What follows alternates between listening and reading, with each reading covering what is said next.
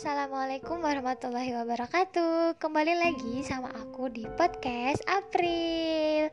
Yeay.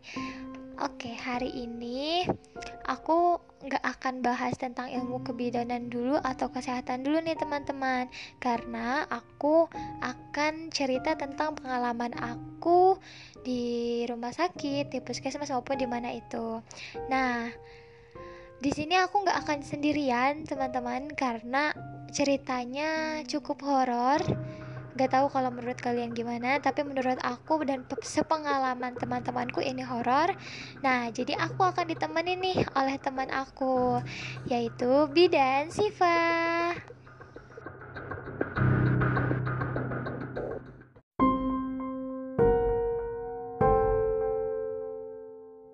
Oke Bidan Siva, apa kabar?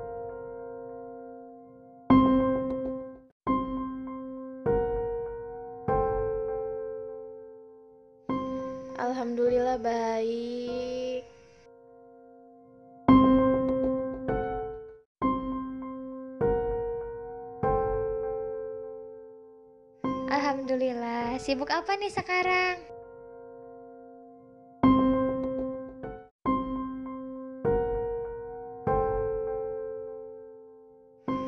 Kalau sekarang cuma sibuk kuliah aja sih kan lanjut dari dia tiga kan bareng kamu gimana?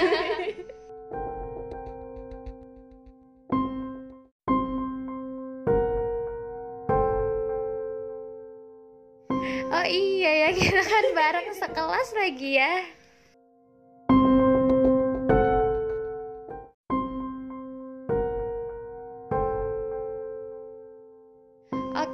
Siva di sini kita bakal bahas yang horor-horor nih. Eh, mudah-mudahan nggak kenapa-napa ya. Kita amin, insya Allah. Oke, di sini aku mau nanya nih, apa sih pengalaman horor yang pernah kamu alami selama praktek?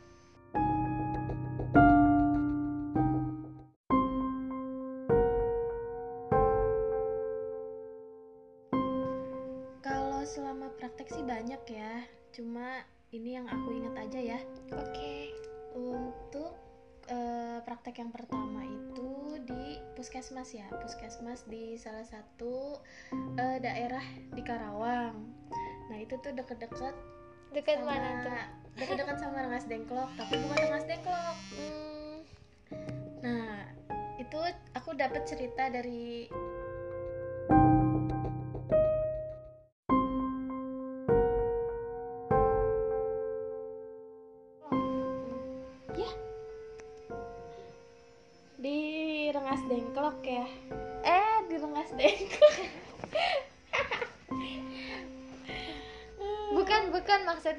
Rengas Dengkol kan ya? di di daerah Rengas Dengklok Iya. cuma deket-deket Rengas Dengklok lah cuma bukan di puskesmas Rengas Dengklok soalnya aku nggak pernah praktek di situ Ada apa tuh bidan Siva?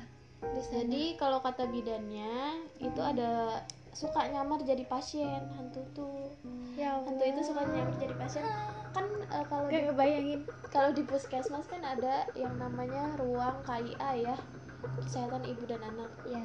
Nah, eh, pasien-pasienan ini, pasien-pasienan, pasien Pasien gaib ini. pasien gaib ini, itu tuh eh, fisiknya hamil, cuma wajahnya pucat kata bidannya.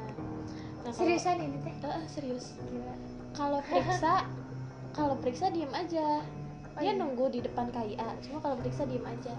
Diperiksa lah, kan pakai tirai ya kalau Padahal itu bilang. pagi bukan? Kayak pagi. Eh, eh. terus eh, pas di Leopold itu dingin perutnya. Terus mau di DJ nih berbaliklah bidannya. Ngambil ke Gak ada. ke troli. Pas ke troli pas balik lagi nggak ada. Gitu suka sukanya kayak gitu.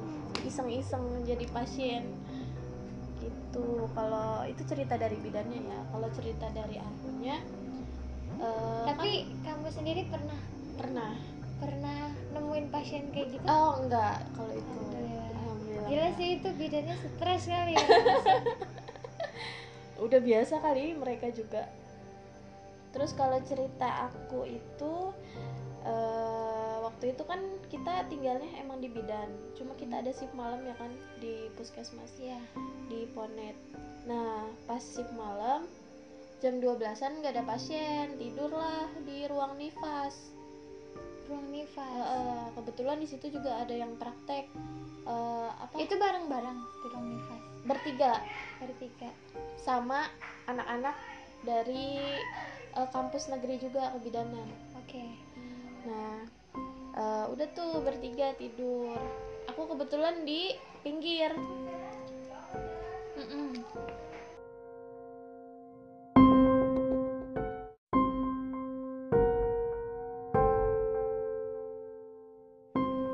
Nah, aku tuh tidurnya tidurnya di pinggir, di pinggir bed, di pinggir kasur ya. Itu kasur kan diduain gitu loh, Oh, iya, didempetin. Tidurlah, pas tidur udah merem, yang lain udah Udah pada udah pulas? udah pulas, Oh, udah iya. udah pokoknya udah nyenyak. Itu teman kita tuh yang berdua itu. Bukan anak ini, anak Anak lain. anak lain, anak anak kampus lain. Oke. Terus eh, di situ ada bed yang nggak boleh di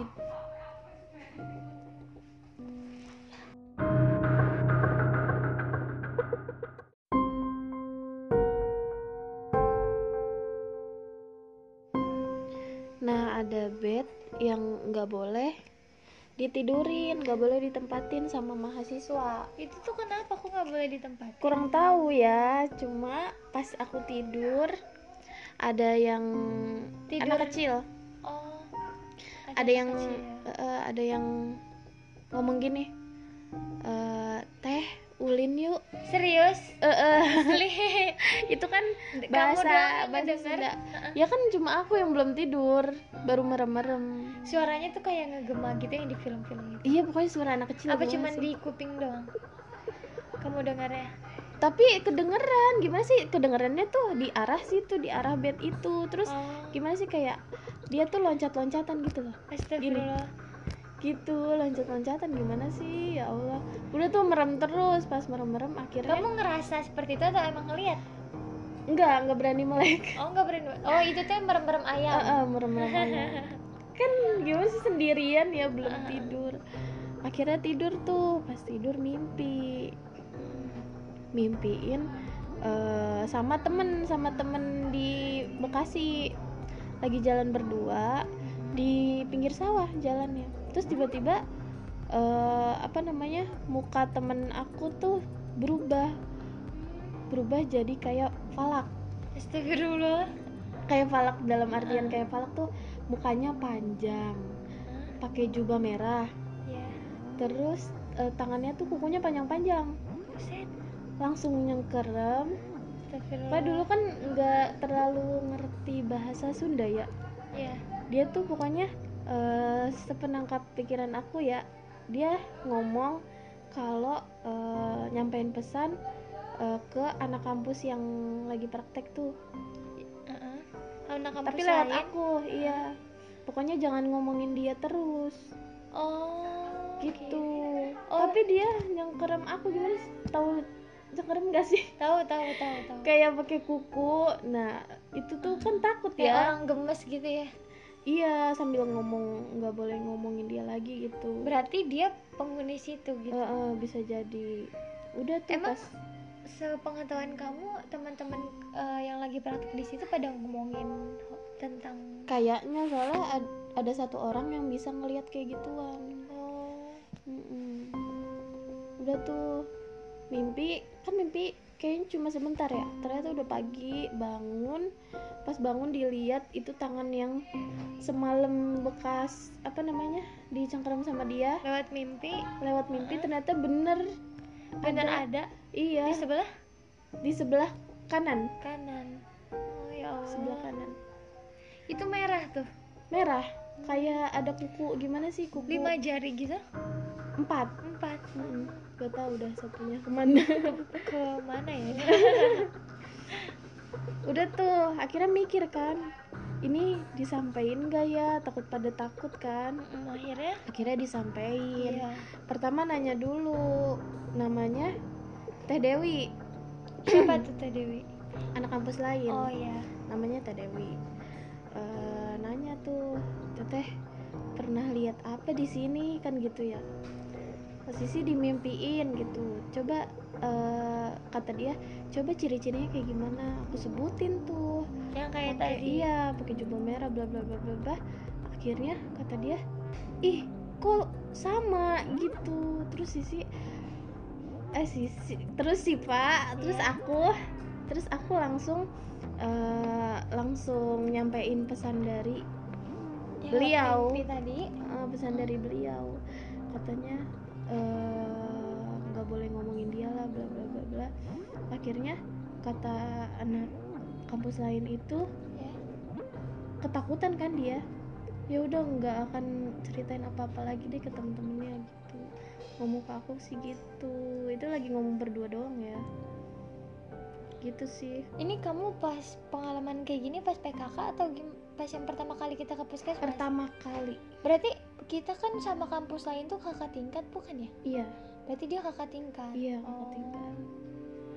Terus nggak terlalu su- apa namanya eh, ngerti Sunda juga kan? Iya. Itu hantunya tuh ngomongnya Sunda. Oh iya kita kan nggak eh, ngerti kita juga. buat informasi aja dulu tuh kita ini pengalamannya pas pertama kali kita ke puskesmas dan Kerawang itu kan budayanya Sunda ya. Mm-mm. jadi kita tuh masih beradaptasi ngomong Sunda gitu paling kita ngertinya tuh hanya yang kayak apa kabar gitu yang apa siapa yang saha naon gitu doang Hmm. bisanya yang masih dasar-dasar Hmm. jadi kalau orang ngomong Sunda cepet kita tuh nggak paham gitu cuma bisa senyum-senyum doang gitu ya gitu itu yang pertama ya. Heeh. Selain itu ada lagi kah?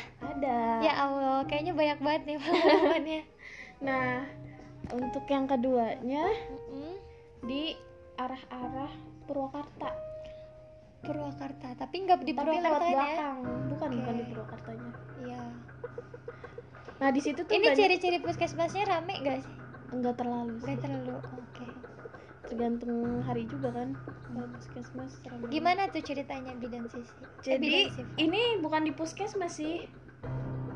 Ini tuh aku kan apa namanya? Aku tuh kan bertugas di puskesmas itu.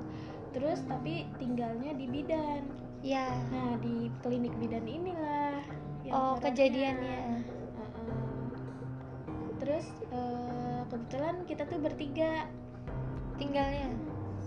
tinggalnya bertiga.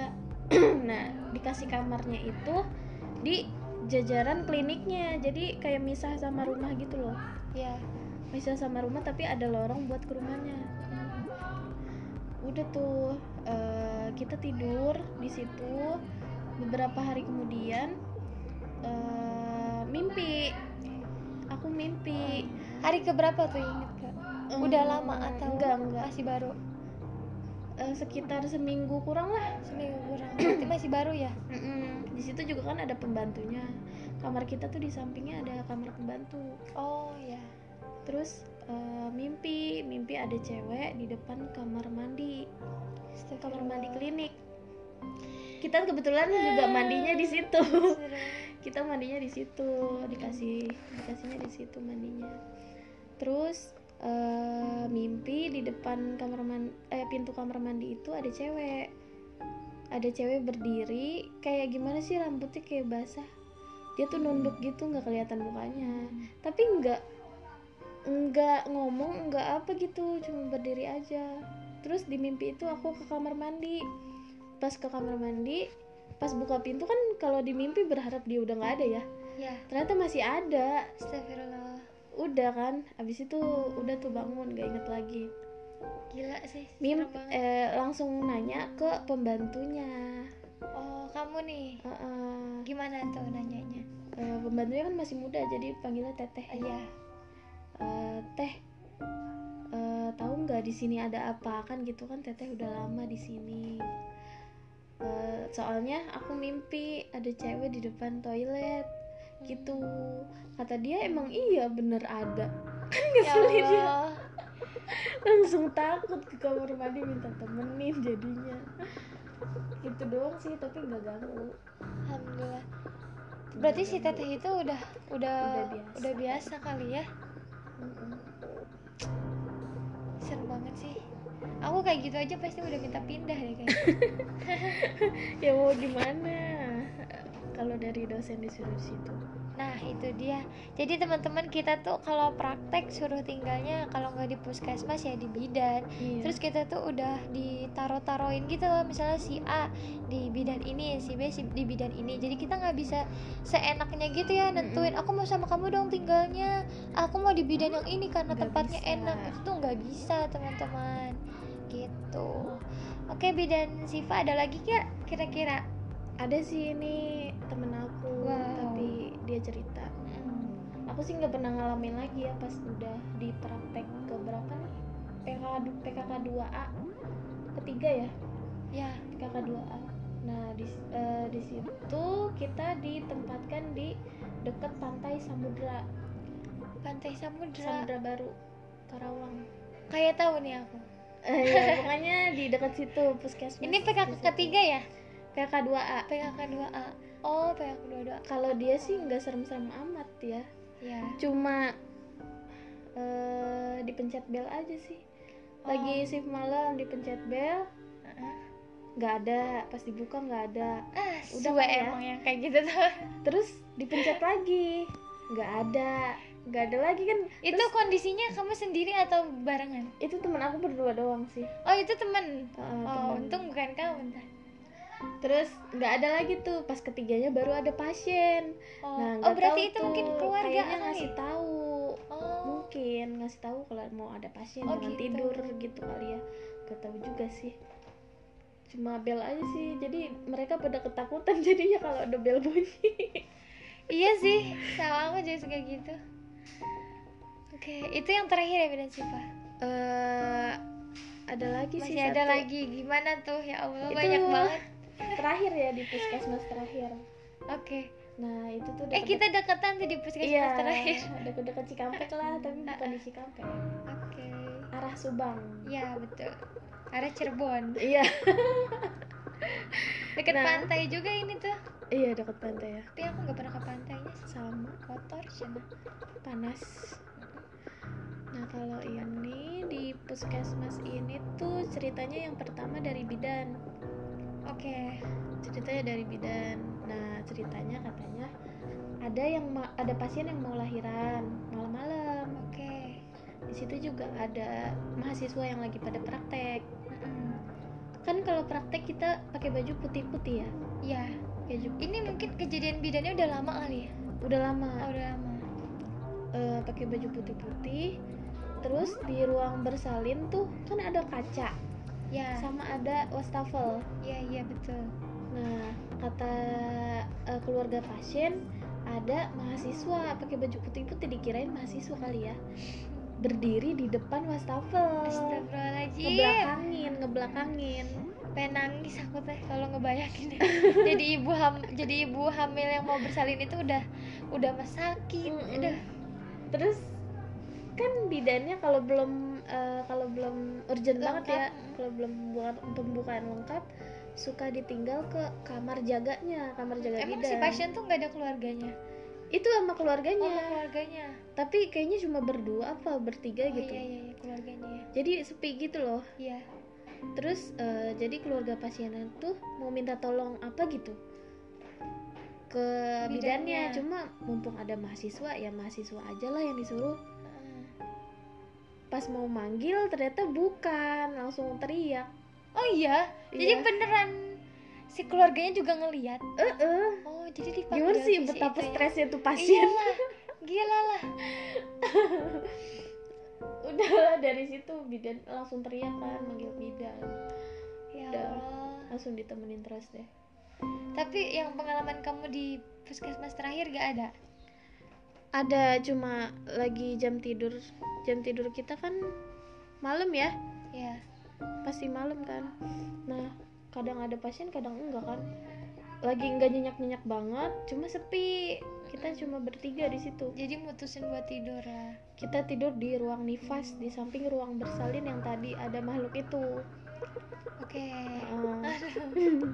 terus eh, suka kalau malam suka ada yang lari-lari aja sih kayak eh, tepak kaki gimana sih Oh, suara tepak kaki. Tapi yang ngerasa kayak gitu kamu doang apa yang lain juga? yang lain juga denger. Oh.